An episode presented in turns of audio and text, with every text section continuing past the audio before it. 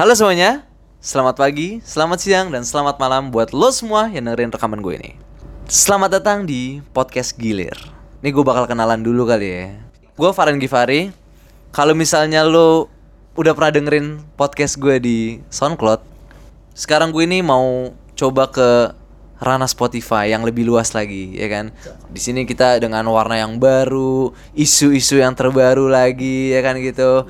Untuk episode pertama ini, gue mau bahas tentang kesetaraan gender. Untuk ngebahas topik ini, gue nggak sendirian.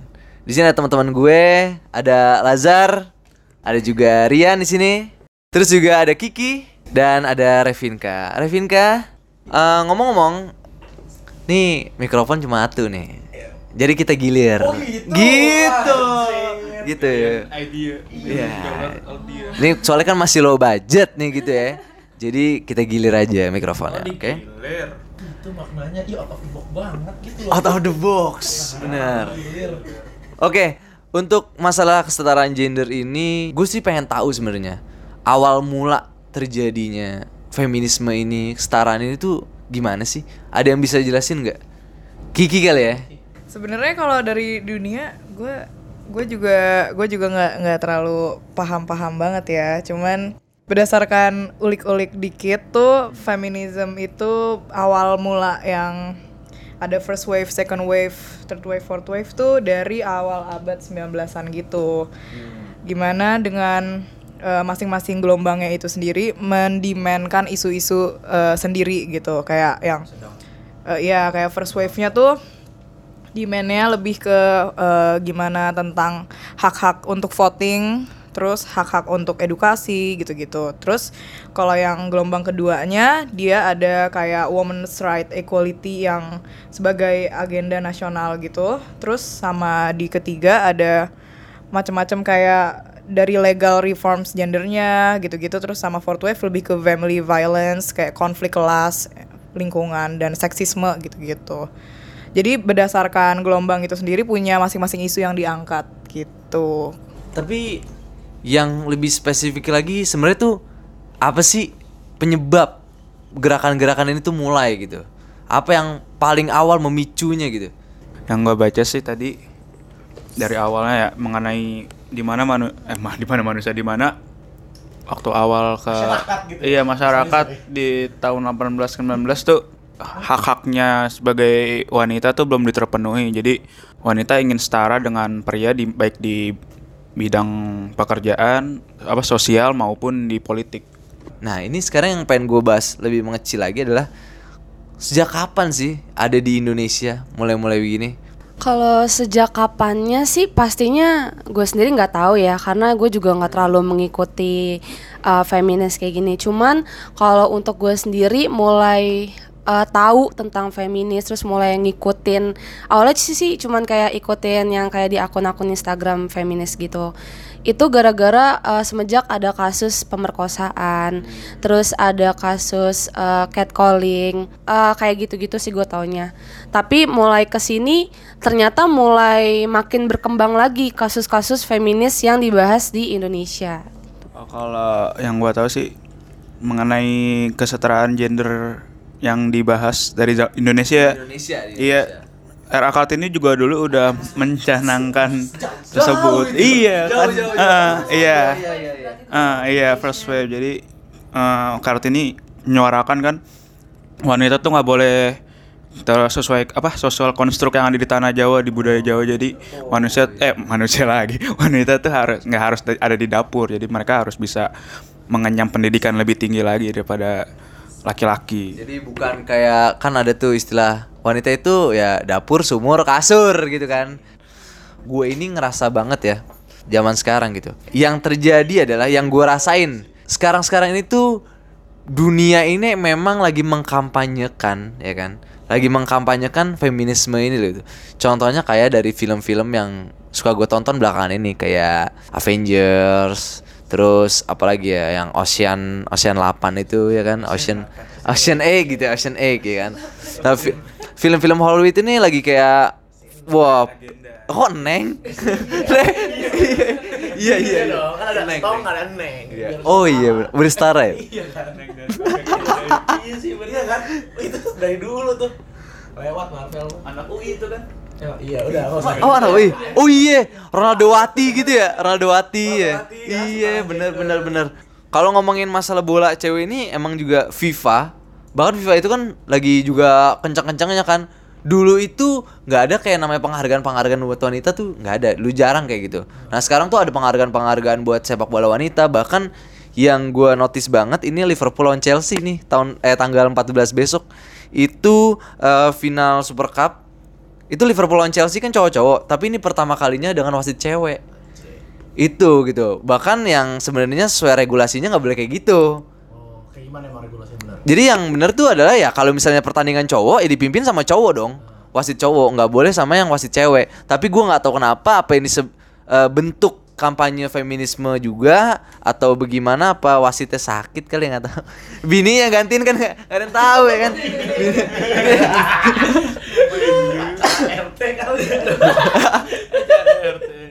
Eh, menurut gue salah satu kampanye mereka gitu. Dan juga yang paling gue rasain gue kalau lewat kampus kan lewat dekat Sumarekon tuh ada tuh. Nah itu tuh ada billboard tuh di situ tuh. Ditulisnya gede tulisannya ini iklan kecap. Saatnya lelaki sejati masak. Ngerasa nggak sih lo kalau misalnya itu tuh bentuk dari kayak eh, bukan cewek doang yang masak gitu loh lu juga harus bisa masak gitu lo harus bisa eh, tahu dapur gitu juga kan. Nah kalau menurut lo Nian kira-kira apa yang lo rasain dari feminisme yang sekarang-sekarang ini yang paling berasa di lo nih Pertama yang film dulu kali ya. Karena Iya. film kenapa bisa gencar? Salah satunya karena ada Me Too campaign kan 2017 ya, yang yang gue lupa siapa aktris ngaku kalau dia dilecehin sama Harvey Weinstein terus gara-gara dia ngaku semua orang jadi eh, semua aktris yang pernah ngalamin pelecehan di Hollywood ngaku semua gitu.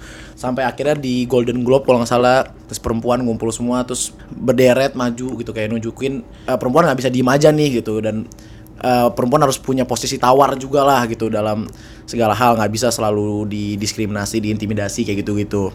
Eh, di buat di Indonesia sendiri lah ya rame kan pasti awalnya dari kampus-kampus ya setengah kalau setengah yang gue tahu ya dari kampus entah dari UGM dari UI yang ada kasus kekerasan seksual kan kalau di UGM itu si Agni kalau di UI itu.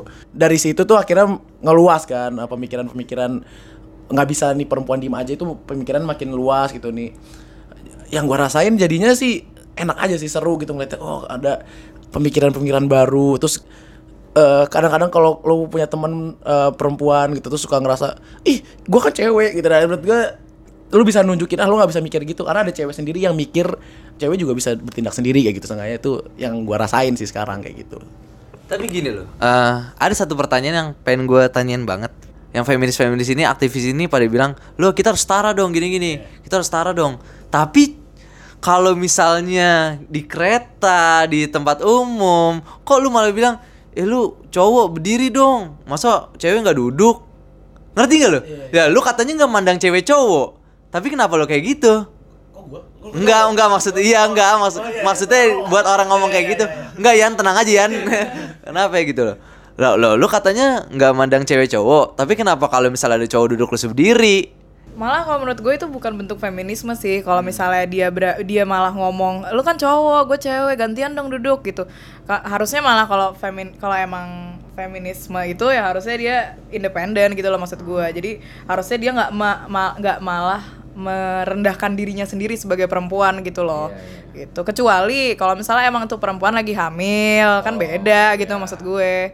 Kayak emang ada ketentuan sendiri kan sebagai orang yang prioritas gitu kan Oh, iya, untuk iya. duduk kayak gitu gitu sih malah menurut gue itu bukan bentuk feminis sih kalau malah gara-gara gue cewek nih terus eh, lo cowok eh, gantian duduk itu malah lu malah mau meninggikan eh, gender cewek dibandingkan eh, gender cowok sedangkan harusnya tuh feminisme itu kan equal bukan malah mensuperiorkan gender cewek ke cowok gitu. Nah iya sih, eh, berarti itu kayak ya lu malah pengen menindas gitu kan, kayak lu ma- eh, bukan malah setara tapi malah menindas gitu.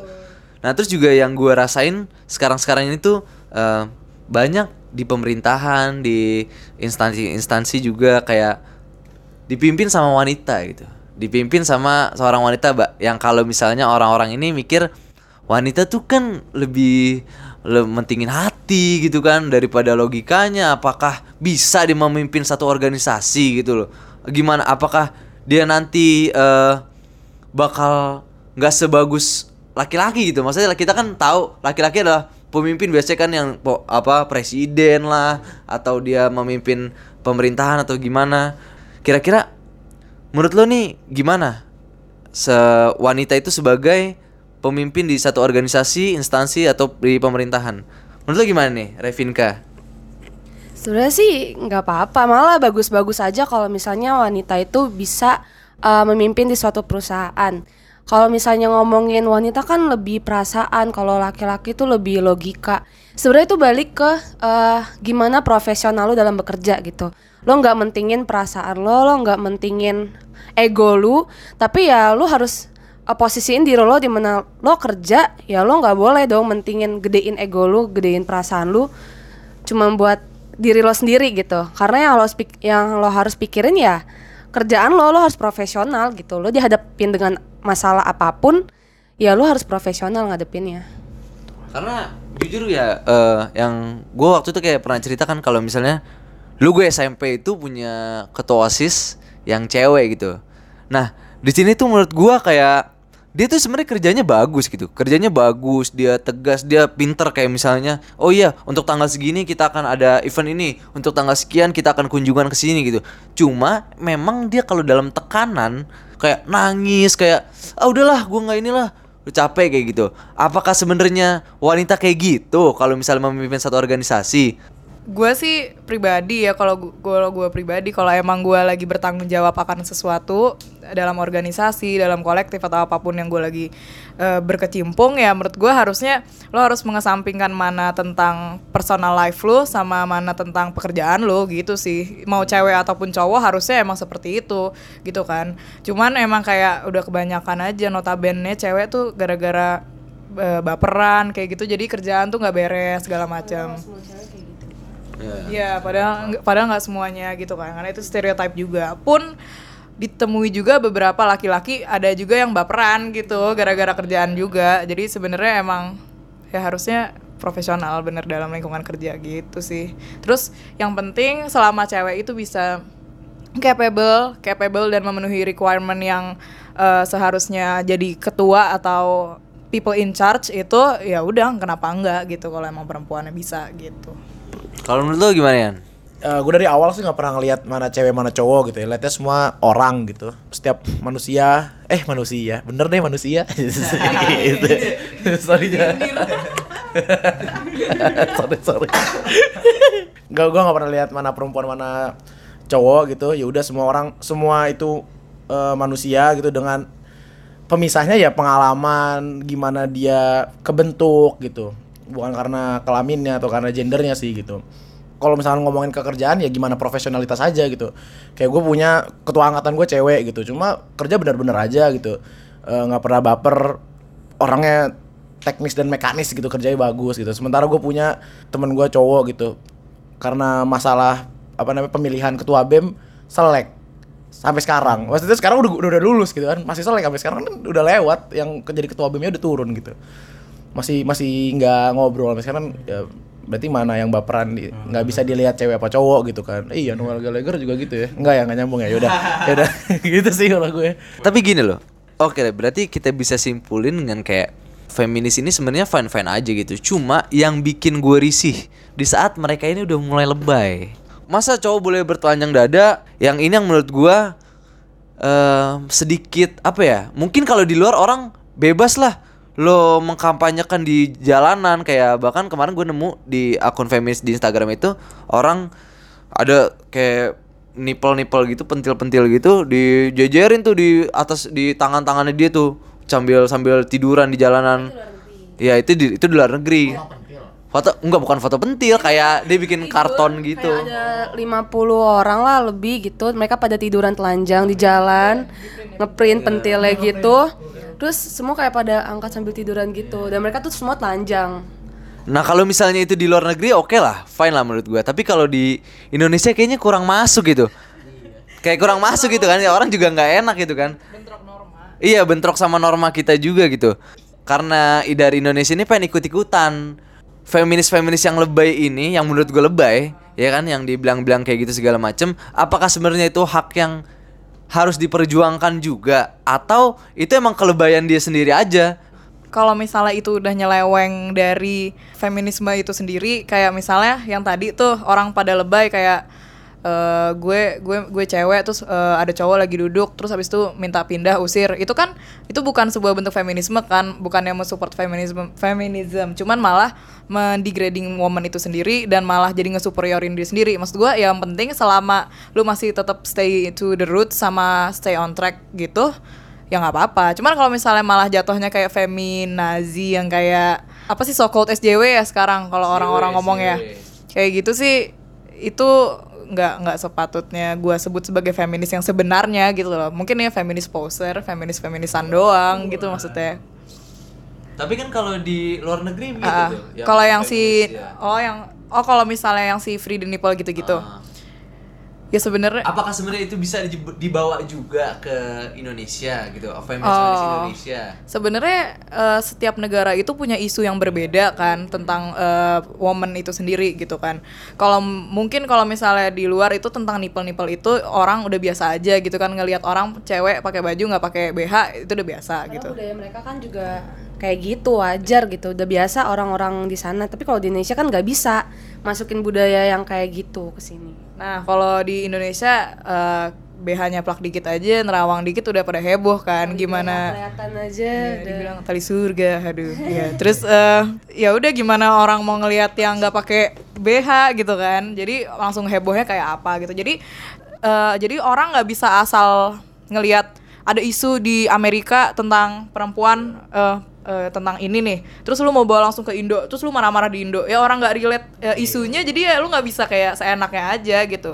Selama relate sama isunya sih. Kayak misalnya kalau perempuan yang lagi marak itu lagi beraninya orang ngebuka suara itu tentang pelecehan seksual di kampus-kampus gitu. Terus juga akhirnya banyak gerakan-gerakan yang muncul seperti girl up. Uh, ada girl up itu kayak tentang empowering woman gitu, in- inclusivity gitu. Jadi setiap kampus akhirnya institusi uh, anak-anak mahasiswa itu pada bikin kayak gitu gitu sih. Jadi lebih harus relate lagi ke isunya. Jadi nggak bisa asal ceplok-ceplok. Tapi kalau misalnya ngomongin feminis lebih jauh lagi, ini tuh apalagi buat orang-orang yang udah berkeluarga menurut gua. Mereka itu bilang yang yang yang gak feminis ya. Mereka itu bilang feminis ini tuh merusak hubungan keluarga yang ada dalam keluarga. Karena apa? Eh, si istri jadi nggak patuh sama suaminya, gitu. Jadi kayak suaminya bilang kamu nggak boleh keluar ya jam segini. Kamu mau ke mana gitu? Dan akhirnya mereka bilang ya kenapa sih? Kenapa lu boleh nongkrong sama temen lu? Kenapa lu bebas pulang kapan aja? Dan gue di sini di rumah diem jagain anak gini gini ngurus rumah dan lu enak-enaknya di luar gitu. Istri itu jadi membangkang gitu. Nah menurut lu kalau dalam kasus rumah tangga gini masalah feminisme gimana? nih? Kalau masalah ngelarang istri terus atau enggak suami ngerasa istrinya ngebangkang tuh sebenarnya apa ya dilihat tuh kayak seberapa patriarki keluarga itu sendiri ya yang ada di keluarga di, ada yang ada di keluarga itu terutama si suaminya gimana pandangan dia ngelihat ngelihat perempuan itu sendiri atau ngelihat dia istri itu sendiri gitu kan dia kenapa bisa perempuan dilarang dalam keluarga terutama istri atau nggak anak perempuan itu karena ada pandangan si eh, suaminya itu sih gimana dia ngelihat perempuan jadi Kalau lu gimana Jar? Kira-kira eh, kalau misalnya feminis ini dibilang untuk apa namanya merusak hubungan keluarga? Sebenarnya yang membuat membangkang itu selama aturannya bisa diterima dan ti- bisa tidak mengganggu hak hak eh, masing-masing anggota keluarga sih ya menurut gue sah-sah aja kalau merasa tidak nyaman gitu. Tapi gini, kalau misalnya eh dalam satu keluarga itu pasti ada aturannya, ya kan? Pasti kita punya kesepakatan masing-masing yang udah disepakati. Tapi buat yang cewek-cewek nih, buat lo berdua, lu setuju nggak sih kalau misalnya laki-laki itu pemimpin rumah tangga? Yang namanya pemimpin itu kan harus ditaati, dipatuhi, ya dong. Kalau misalnya disuruh apa, diingetin apa, langsung nurut. Nah, sebenarnya lo berdua ini sebagai cewek setuju nggak dengan statement laki-laki itu adalah pemimpin rumah tangga? Kalau gue sih mungkin lebih setujunya kalau pemimpinnya diganti pembimbing. Lebih kayak yuk bareng-bareng gitu nggak nggak yang nggak yang cuman sendirian komando satu komando gitu doang jadi kalau pembimbing tuh lebih ke komunikasi dua arah lebih ke timbal balik jadi lebih kayak sama-sama enak kalau oh ya kalau misalnya pemimpin tuh kayak cuman komunikasi satu arah jadi kayak lebih diktator gitu jatuhnya. Jadi kayak eh, nggak nerima balik si suara dari cewek itu sendiri dari si istrinya itu sendiri gitu loh. Jadi harusnya sih lebih ke pembimbing gitu. Maksudnya pemimpin tuh mungkin eh gimana ya? Kalau memimpin kan sama-sama punya aturan masing-masing tapi intinya pembimbing lah lebih lebih ke pembimbing gitu. Oke, kalau menurut kamu gimana nih, Revinka? Eh, kalau menurut gua tetap suami itu eh mem- memimpin suatu keluarga gitu karena jadi gini nggak semua pemimpin itu eh, sifatnya kayak dia menunjuk harus kayak gini harus kayak gini harus kayak gini kalau lu pernah lihat kayak satu foto gitu di Google ada dua tipe pemimpin ada satu pemimpin yang eh, dia sifatnya ngatur dia pokoknya gue duduk di atas gue tinggal nunjuk nunjuk nunjuk nunjuk nunjuk gitu. Ngebos, ngebos. Ngebos. Beda bos sama leader. Tapi dua-duanya kan sama-sama orang yang kedudukannya paling tinggi lah gitu. Tapi gimana kalau misalnya suaminya itu yang lebih sifatnya ke leader gitu. Dia dia tetap pemimpin, dia tetap orang yang eh, paling kedudukannya bukan kedudukan sih kalau di keluarga tuh bilangnya apa ya? mengatur gitu. Ya posisinya gitu. Tapi dia itu eh sifatnya apa ya? Mengayomi ya. Apa? Ya, merangkul. Yuk kita bareng-bareng sama-sama. Karena kalau lu udah nikah, nggak bisa dua-duanya suami sama istri jadi kepala. Menurut gue tuh nggak bisa gitu. Karena dalam satu organisasi perusahaan aja nggak bisa kan dua orang jadi bos tapi pasti ada kedudukan-kedudukannya masing-masing gitu. Ada nih yang lebih ya lebih tinggi dikit lah, ada yang lebih ini gitu. Tapi mereka punya tanggung jawab dan porsinya masing-masing gitu.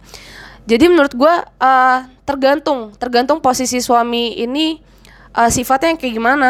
Dia tuh yang emang kayak yang ngatur banget segala macam itu atau dia yang lebih ayo jalan bareng-bareng, kita udah dua kepala jadi satu. Jadi ya kita saling apa ya? Kalau menurut gue sih kalau udah nikah tuh yang penting saling ngehargain aja sih. Nah, itu kan jawaban lu kan beda nih Ki sama Revinka nih. Nah, kira-kira lu dari jawaban Revinka gimana? Apakah lu setuju dengan kalau misalnya dalam rumah tangga itu nggak boleh ada dua kepala? Kayak misalnya laki-laki apa istri sama suami jadi kepala dua-duanya gitu. Menurut lu gimana? nggak apa-apa sih maksud gua karena karena suami karena kan suami istri itu itu eh itu sebuah keluarga gitu kan. Dan keluarga itu bener-bener urusan privat gitu loh. Jadi ya kalau memang kalian berdua punya kesepakatan seperti itu nggak apa-apa gitu. Ha-ha, karena semua orang punya caranya masing-masing untuk menjalankan rumah tangga gitu. Kalau misalnya eh, Revinka setujunya seperti itu dan eh, pasangannya pun menyetujui ya sudah tidak apa-apa dong. Nah, jadi eh, mungkin begitu yang masalah pemimpin ya. Tapi kita akan geser sedikit tentang bagaimana kalau misalnya wanita karir yang sudah berkeluarga gitu. selama eh, si perempuan karir ini atau istrinya ini bisa berkarir dan bisa menjalani fungsinya sebagai ibu ya kenapa tidak dan karena kan ya kita lihat lagi dari zaman sekarang sekarang apa apa serba membutuhkan dana yang lebih kan kayak pendidikan aja yang paling terbaik aja harganya juga udah nggak murah jadi ya demi tumbuh kembang anaknya lagi untuk menjadi anak yang mm, berkualitas atau itu ya bisa diajarkan dari ibunya atau dari pendidikan di keluar keluarga yaitu sekolah.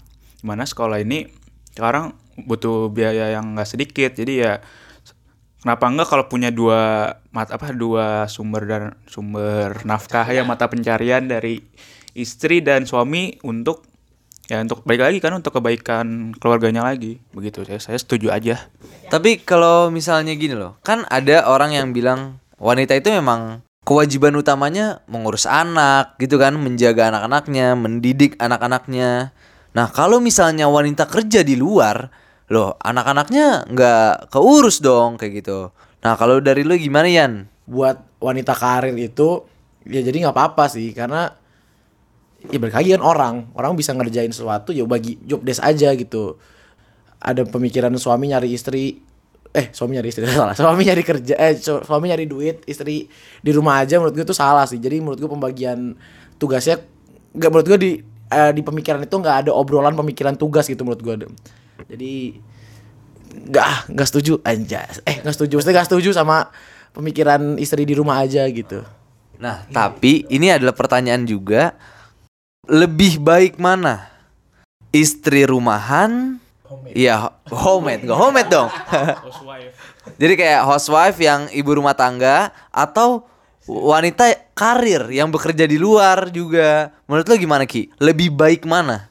Wah bingung kali Kalau ngomong lebih baik eh, Lagi pula mana yang baik dan tidak juga nggak tahu gimana cara bedainnya How to distinguish between baik dan ini sih gimana ya yang penting tergantung kesepakatan eh, perumah tangga itu lagi gitu deh pokoknya. Jadi kalau lebih baik atau enggak itu kan subjektif kan kayak pendapat orang gitu. Kalau misalnya memang eh, ada eh, rumah tangga yang membutuhkan eh yang kondisinya membutuhkan perempuan harus di rumah aja mungkin karena anaknya sorry anaknya berkebutuhan apa gitu kan. Jadi maksud gue balik lagi ke kondisi rumah tangganya lagi gitu. Cuman kalau untuk nyenggol yang masalah cewek karir ya kalau gue sih nggak apa-apa. Dan gue setuju sama yang tadi Lazar bilang kalau misalnya biaya biaya anak sekolah dan lain-lain gitu tuh sekarang kan gede banget. Jadi nggak bisa ngandelin dari satu mata pencarian sama iya dan selama bisa mampu juga dan selama tidak meninggalkan tugasnya sebagai ibu gitu.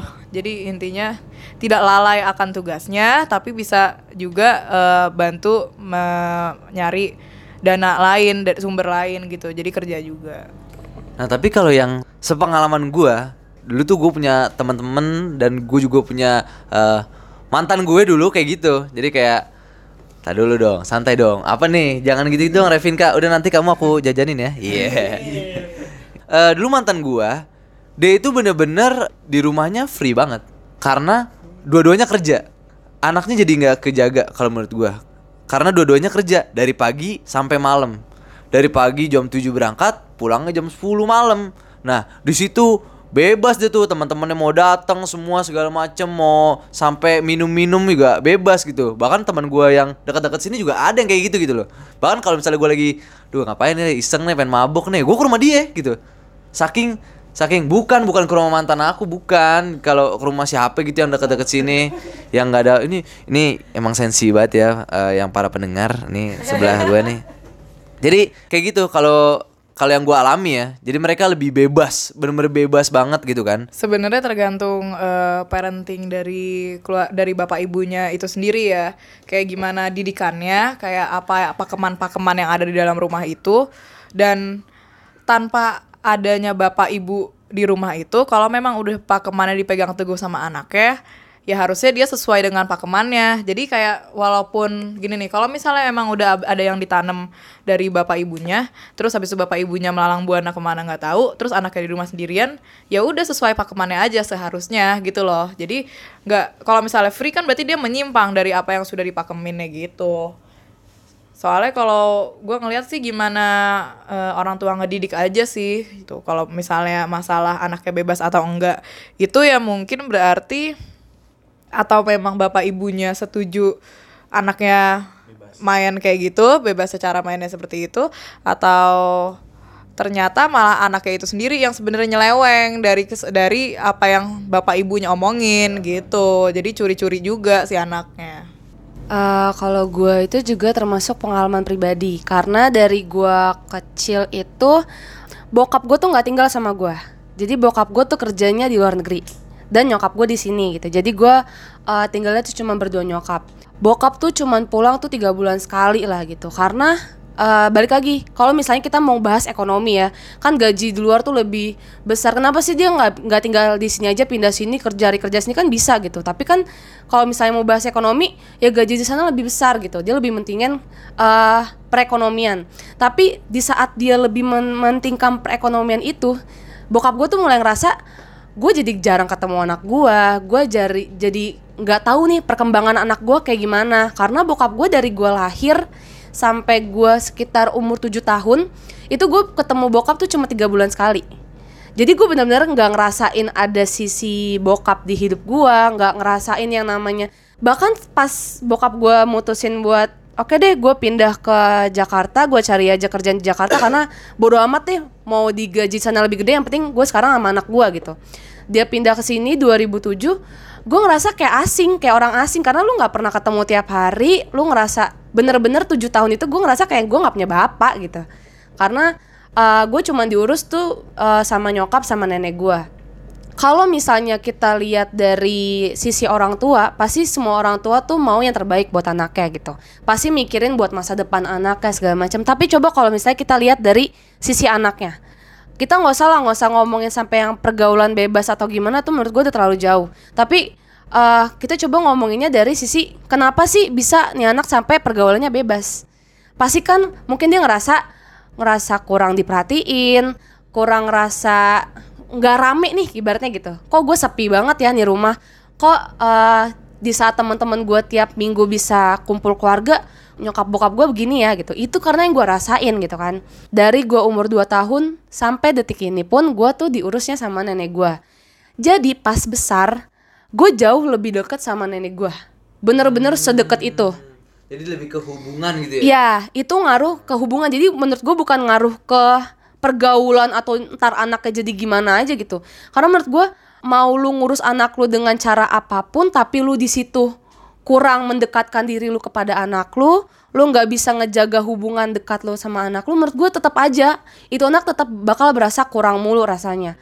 Karena pas gue besar kayak gini, gue ngerasa gue lebih deket sama nenek gue, apa-apa gue jadi ngerasa lebih beraninya terbuka sama nenek gue, berani cerita, berani apa-apa tuh gue nyarinya nenek gitu. Dibanding ke nyokap dan bokap gue. Karena gue ngerasa ibaratnya nih ya kalau misalnya mau ke bokap sama nyokap buat minta duit aja. Tapi kalau gue buat kasih sayang buat perhatian misalnya buat curhat ke nenek. Jadi ibaratnya orang tua tuh perannya buat ya udah karena orang tua gue mutusin buat kerja jadi anak pun jadi mikirnya kayak ya udah yang penting duit aja deh penting duit aja. Karena gue mau mau minta waktu nggak ada kerja. Sedangkan yang gue bisa kasih ke siapa? Nenek. Ini masih nenek dalam lingkup sama sama-sama keluarga lah. Tapi kalau yang gue lihat di sekitar gue teman-teman gue itu malah pembantu. Malah pembantu asisten rumah tangga. Dan gue bener-bener ngeliat dari dulu tuh banyak banget temen gue yang malah dijulikinnya jadi kayak anak pembantu. Karena dia lebih dekat sama pembantu anak mbak lah gitu. Dan kita nggak bisa samain rasa kasih sayangnya ngurusnya.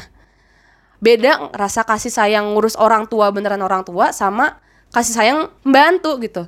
Mungkin beberapa pembantu ada yang beneran jadi sayang sama anaknya gitu. Tapi ada beberapa juga kan nggak sedikit lah yang cuman ya ya udah yang penting gue ngejalanin tugas gue gue kerja yang penting gue digaji selesai.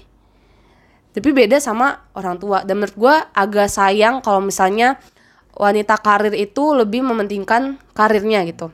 Karena menurut gue pun wanita karir itu nggak selalu kantoran kalau misalnya lo buka usaha di rumah, lo buka, maksudnya lo kerja di rumah atau di mana pun yang lo tetap bisa ngehandle anak lo, menurut gue itu masih wanita karir kok sebutannya. Yang penting lo tetap kerja. Karena sayang aja kalau menurut gue lo uh, lebih mementingkan kerjaan lo, ya walaupun lo mengatasnamakan ini buat pendidikan anak gue gedenya segala macam, tapi lo melewatkan waktu lo bersama anak lo gitu. Waduh, dalam juga ya. Kalau gimana jar kira-kira jar?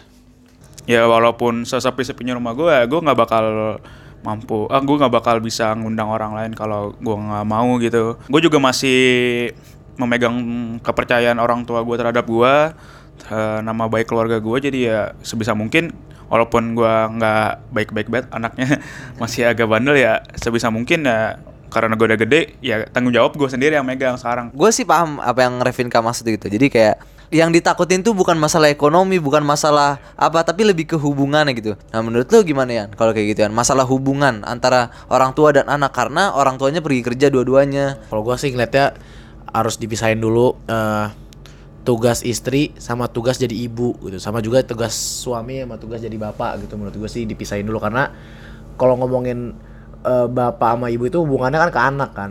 Kecuali kalau istri sama istri suami itu ya general gitu. Jadi di dalamnya ya termasuk tugas menjadi ibu dan bapak gitu. Dan menurut gua kalau adanya tugas ibu sama bapak itu tergantung permintaan anak sih kayak gitu. Selain dari kita juga yang kayak mungkin eh, nyadarin gitu kayak oh kita harus kayak gini nih biar jadi eh, ibu atau jadi orang tua yang bagus kayak gitu. Tolong kalau ngomongin yang tadi temen lu eh, orang tuanya kerja gitu jadi kayak dia nggak dapet perhatian rumahnya kosong jadi bisa mabok di sana gitu. Gue pernah nih. Mana rumahnya? Yes. ada temen gue namanya si Incek si iya. Sebutin namanya. iya ada si Incek. Iya. Jadi si Incek dekat nih sama cewek. Ini nyambung gak sih? Ceritain aja lah ya. Iya si Incek dekat sama cewek. Cewek gue udah kenal anak 53 dulu. Iya iya dulu kena dulu oh iya dulu dekat sama gue gitu kan. Terus Incek cerita gue nemenin sebut aja nama cewek Kiki iya iya bukan namanya bener Kiki sih gak sebut iya iya ini namanya iya si Kiki terus Sincek jalan kan sama si Kiki gitu. Eh, si Kiki tuh mau masuk dari SMP masuk SMA, baru baru mau masuk mau mos. Si Incek nemenin beli eh, alat-alat mos gitu kan. Terus eh nyata hujan, belinya di Sumber Arta. Eh ke rumah gua aja kata si Incek gitu. Rumah rumah gua kosong. Ya udah. Kira ke rumah Cek kan hujan-hujanan dikit gitu. Dari Sumber Arta ke rumah Cek set. Orang kan bakal mikir, wah ini ngapain nih berdua nih aneh aneh. Azan sholat bareng cuy. Eh anjing kan Didi kan beda gitu. Eh, Tergantung gitu, belum tentu misalkan eh, lu gitu jar lu misalkan eh berdua nih gitu. Belum tentu sholat bareng ya kan. Sholat sendiri kan dia dapet gitu. Ya kan? Iya kan jadi menurut gua tergantung didikan lagi sih misalnya perkara. Jadi eh buat kayak gitu ngelihat oke lah kita bisa sebagai suami istri nyari duit sebagai orang pada eh eh, gitu emang nyari duit. Cuma kan ada tanggung jawab ketika lo udah nikah ada punya anak gitu. Jadi itu juga harus diingat sih gitu.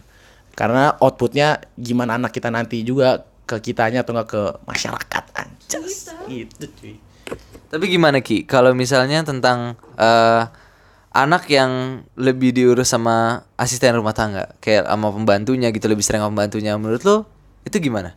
Eh kalau kayak gitu tuh sering banget deh ditemuin di keluarga-keluarga yang sebenarnya kelas kelas meneng ya bisa bisa dibilang kelas menengah tapi ya mungkin ada kelas menengah macam-macam sih. Soalnya kan emang nge-hire ART itu di Indonesia tuh cukup harganya cukup terjangkau gitu loh. Nggak nggak cuman upper class doang gitu kan. Jadi emang kebanyakan orang pun make eh, eh, tenaga tenaga itu tenaga ART gitu. Terus itu biasanya di eh, mereka nge-hire saat si orang tuanya si bapak ibunya itu pada kerja gitu kan seharian kerja di luar. Akhirnya anak di rumah sama si eh, mbaknya atau eh, biasanya pem- pembantu cewek kan ya? Mbak ya? Mbak ya? Mbak mbaknya.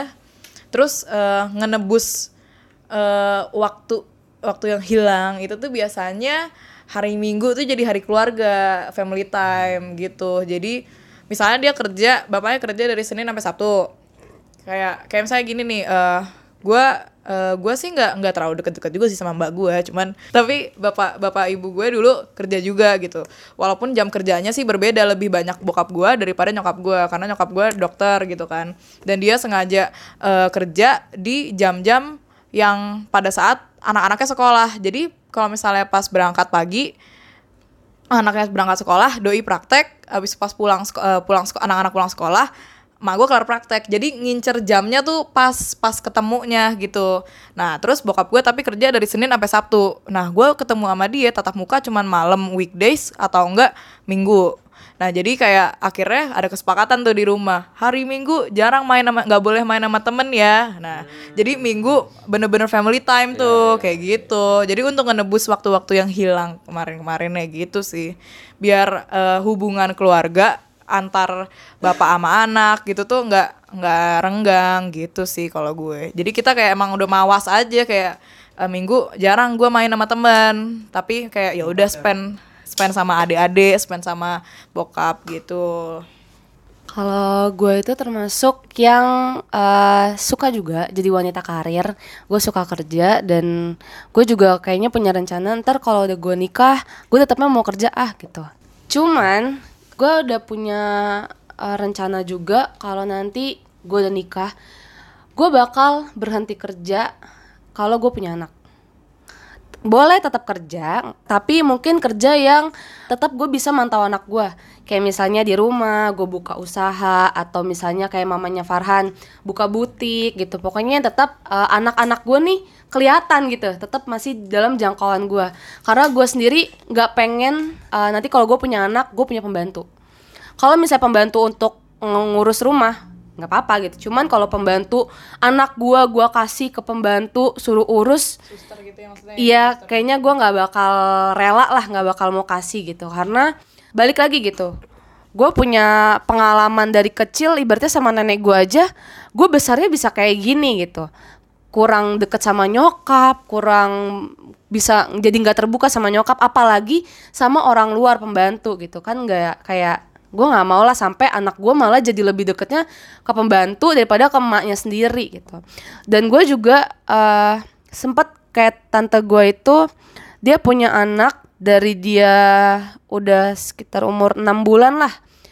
Dia dikasih ke urusnya di suster gitu dia kerja dan dia jadi ngerasa kayak kok tiap hari ini susternya ngelapor ya kayak anaknya tuh sekarang udah bisa ini udah bisa itu udah bisa padahal anak pertama gitu. Jadi dia ngerasa kok gue ngelewatin uh, momen-momen ki- perkembangan. anak gue malah perkembangan anak gue malah jadi suster gue yang lebih tahu gitu. Padahal mungkin momen-momen ini tuh nggak bakal keulang lagi dua kali gitu kecuali kalau misalnya punya anak lagi gitu kan. Nah itu kan sebenarnya eh, balik lagi kayak tadi kalau misalnya gue ngomongin hubungan ini kan kayak eh, dampak-dampak kecilnya lah cuman berpengaruh banget kalau menurut gue dampak besar banget eh, pas sudah gedenya. Ditambah lagi kalau misalnya kita ngomongin dampak yang lebih fatalnya gitu. Lu nyerahin anak ya itu kan lu harus berarti lu harus kasih kepercayaan banget ke orang lain orang luar gitu buat ngurus anak ngatur anak gitu. Kalau misalnya eh, lu punya suster untuk ngurus anak berarti kan lu harus kayak ngasih kepercayaan yang segitu besarnya gitu. Karena buat lu ja lu kasih anak lu jagain gitu di orang lain gitu kan. Jadi gini gue punya pengalaman. Ini pengalaman gue waktu gue bayi dan ini pengalaman yang bikin nyokap gue sampai sekarang tuh trauma makanya nggak mau sama sekali punya pembantu. Dan gara-gara ini pun nyokap gue eh, tetap ngelanjutin kerjanya tapi nggak berani untuk minta ke asisten rumah tangga suster gitu. Makanya kenapa nyokap gue tuh dulu lebih manggilnya tuh nenek gue buat tinggal bareng yuk gitu bantuin ngurus Vinka gitu. Karena jadi waktu gue umur eh seminggu sebelum gue ulang tahun yang pertama eh bokap gue kan emang di luar negeri gitu. Nyokap gue di sini waktu itu belum ada nenek gue nenek gue belum tinggal bareng. Nyokap gue tuh gue ada pembantu dulu cuman pembantunya itu lebih buat ngurus rumah ngurus rumah bukan ngurus guanya gitu kan. Nah nyokap gue waktu itu cuma nitip bentar ke suster gue ini karena nyokap gue mau makan. Cuman tinggalin bentar bener tinggalin bentar doang. Nggak makan di makan dalam rumah? Iya. Makan dalam rumah cuman nih jagain bentar gue mau makan gitu.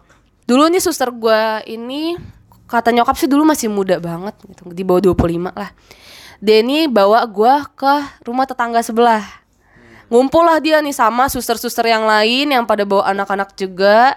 Dan waktu itu ceritanya gue ini ditaro sama suster gue ini di ruang ruang TV rumah tetangga gue ini sama bayi-bayi yang lain gitu jadi bayi-bayi ini dikumpulin di sini. Ini suster. Ini suster pada ngumpul di depan gitu. Pada ngobrol ngerumpi gitu kan. Bayi benes nih waktu itu kejadiannya siang-siang di belakang gua ini itu ada eh, colokan stop kontak yang colokannya tuh eh, nggak full gitu loh. Jadi kayak masih longgar. longgar gitu. Tangan gue malah masuk ke stop kontak itu dan gue kesetrum. Gue kesetrum. Dan itu ditolonginnya lumayan agak lama karena ya nggak ada pengawasan juga kan. Orang yang di situ pun baru ngeh. Karena gimana sih bayi-bayi banyak gitu kan. Jadi kayak nggak terlalu ke notice dan pas gue diambil gitu itu satu tangan gue tuh udah ungu merah semua nih. Ini udah kebakar lebam. Tangan kanan gue udah kebakar lebam. Sampai udah gosong lah. Ibaratnya tangan gue tuh udah gosong baru nih suster gue lari ke rumah teriak-teriak ke nyokap gue manggil nyokap gue ke rumah tetangga itu udah dalam keadaan posisi gue udah badan tuh udah merah semua udah bener-bener gimana sih kayak kebakar lah gitu. Nyokap gue di situ posisinya gimana ya? Mau nyalahin siapa gitu? Mau nyalahin suster gitu? Ya emang sih ini salah susternya gitu tapi salah gue juga.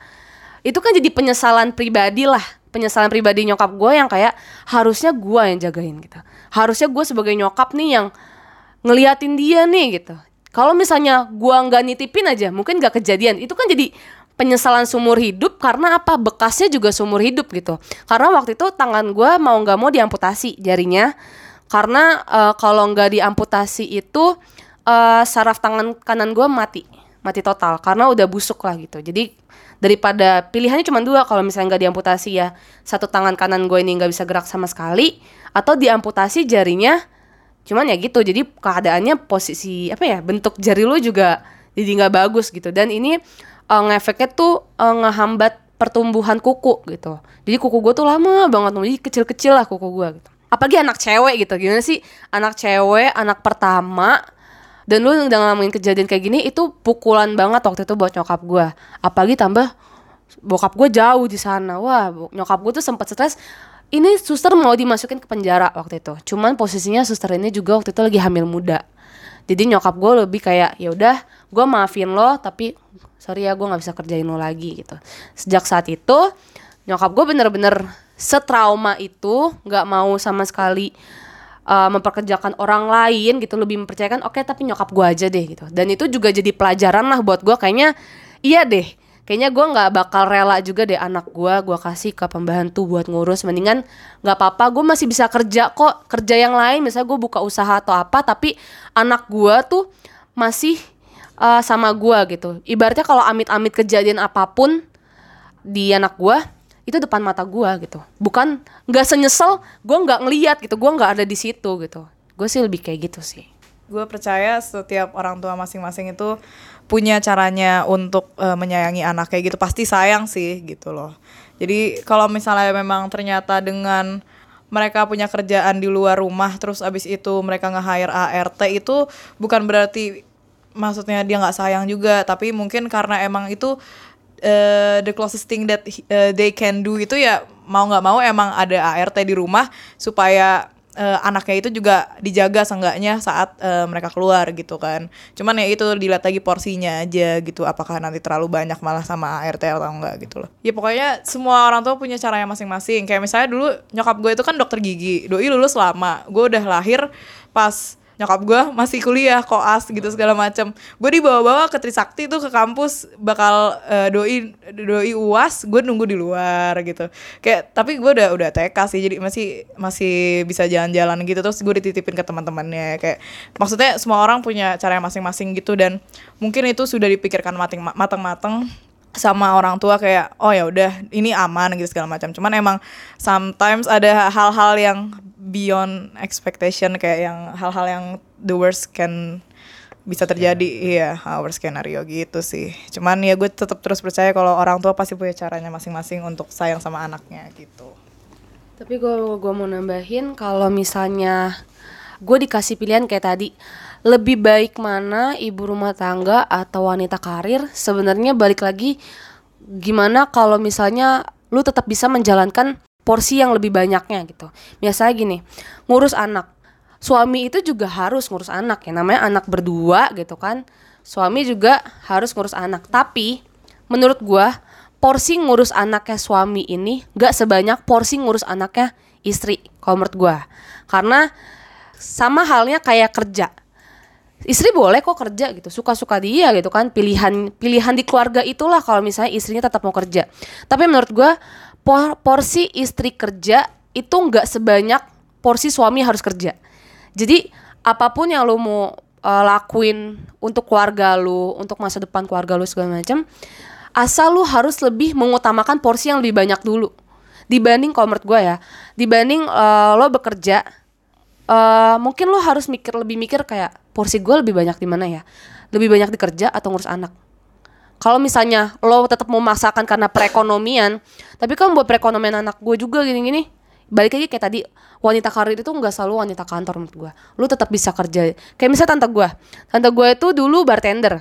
Setelah dia menikah dia nggak lanjutin dong pekerjaan itu apalagi dia punya anak tapi dia akhirnya apa? Dia buka eyelash extension di rumahnya. Jadi orang-orang yang mau pasang bulu mata tuh ke rumahnya dia gitu. Itu tetap kerja kan menurut gua. Tetap ada penghasilan situ ya walaupun mungkin penghasilannya nggak sebesar kalau lu kerja di kantoran. Cuma kan lumayan untuk nambah-nambahin. Jadi kalau menurut gua lebih baik mana tergantung lu bisa menempatkan posisi lo harus eh, mendulu mendahulukan yang mana. Nah itu kan tadi kita udah ngobrol tentang banyak ya wanita karir tentang awal mulai feminisme atau gimana. Sebagai penutup nih, gue ada satu pertanyaan lagi tentang feminisme ini. Apa sih sisi positifnya? Apa sih sebenarnya sisi positifnya dari feminisme ini?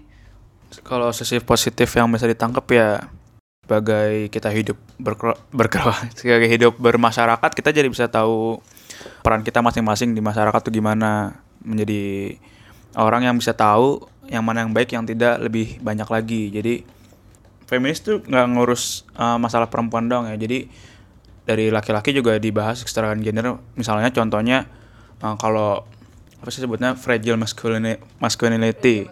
Iya jadi kalau cowok tuh harus harus kuat nggak boleh nangis nggak boleh gini. Cowok nggak boleh naik motor metik. Ya sebenarnya itu itu ya itu sebenarnya budaya-budaya yang diciptakan dari patriarki sebut lagi nggak sih? Ya kayak suatu yang udah dilanggengkan dari dulu sampai sekarang dampaknya bukan nggak cuma ke cewek aja tapi ke laki-laki juga ada. Jadi ya feminis ini mengangkat ke ke kesetaraan itu kan. Jadi ya yang gue tangkap jadi bisa tahu batasan-batasan dari kedua belah gender. Jadi ya kalau ini nggak boleh dilakukan itu nggak boleh lebih baik ya. Kan kita hidup harus bisa mempunyai sesuatu yang lebih baik kan ke semua orang yang gue tangkap sih feminis itu maju terus lah.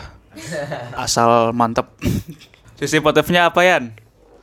apa ya jadi jadi salah satu bentuk kita nggak ngerendahin orang gak sih? Karena kan paling gampang kayak makin ke sini itu orang makin gampang eh, negatif ke orang lain atau nggak ke diri sendiri juga gitu. Jadi seenggaknya lo nyadar ada feminisme yang diperjuangin adalah kesetaraan gendernya. Jadi kita lebih lebih apa ya? Lebih ramah aja sih memandang sesuatu gitu. Kalau menurut gue sih eh, sisi positifnya jadi banyak orang yang lebih aware atau melek gitu loh akan isu-isu yang salah tapi eh, sudah menjadi hal yang dianggap biasa akhirnya jadi paham oh ini tuh sebenarnya salah gitu loh. Jadi kayak lebih ke aware-nya itu sendiri gitu loh. Kalau nambahin nih menurut gua positifnya juga eh dari hal-hal kecil aja sih. Misalnya gini eh banyak orang kan suka ngelakuin catcalling gitu. Ya balik lagi sih ke tongkrongan sih paling gampang gitu. Misalnya di di tongkrongan ah iya tanya lo misalnya lagi lagi, lagi nongkrong gitu terus ada ada ada temen nyeletuk iya nih eh, pernah gue ekap ekap lah lo. Anjing ah, terus gitu gue ketika lo bisa ngebawa lo nggak boleh mandang eh, eh, perempuan kayak gitu gitu. Terus dan dan akhirnya lu berhasil bikin temen lu menye- eh, apa ya mengamini oh iya itu salah gitu menurut gue bikin nge- ngedetox pemikiran yang nggak lu suka aja gitu di tongkrongan. Anjing lah gitu menurut gue sih. Positifnya itu salah satunya. Ya eh, outputnya jadi orang nggak nggak nggak nggak ngerendahin perempuan juga gitu. Lo jadi bisa ngejebarin kalau oh ya perempuan jangan direndahin catcalling itu salah. Eh, apa ya, perempuan bukan objek seks doang lah kayak gitu gitu menurut gue Dari kata make aja gitu. ya? Iya, menurut gue ketika lo eh, ketika ada orang akhirnya mengamini oh iya ya eh, nggak bisa dipandangin menurut gue tuh udah adem menurut gue sih gue kalau buat gue sendiri sih kayak gitu. Kalau menurut gue positifnya itu uh, lebih ke ternyata cewek tuh berani gitu ber- buat bersuara gitu. Dia berani di saat kayak uh, dia merasa kurang, dia tuh berani gitu uh, menyuarakan pendapatnya dan jadi bikin cewek-cewek yang lain tuh juga menghargai dan dan saling apa ya kayak saling support lah. Cewek tuh jadi saling support. Ya, eh, jadi kira-kira itu ya sisi positif dari feminisme. Jadi eh, mungkin itu aja dari kita. Gua Farhan Gifari, di sini ada Lazar juga, ada Rian dan Kiki. Terima kasih buat Revinka juga, buat semua yang ada di sini dan lo semua yang udah ngedengerin podcast gua. Ya, jadi kita tunggu aja eh, untuk pembahasan selanjutnya. Dan sebenarnya gue udah ada sih untuk episode kedua ini gue akan kasih tau nggak? Ntar aja kali ya. Ya udah surprise ya udah oke. Pantun dulu lah, pantun dong. Ih gimana lu pantun dulu tiba-tiba kaget orang kayak gituin anjrit Dan kayak gitu anjrit Oke gue Farhan Gifari undur diri Terima kasih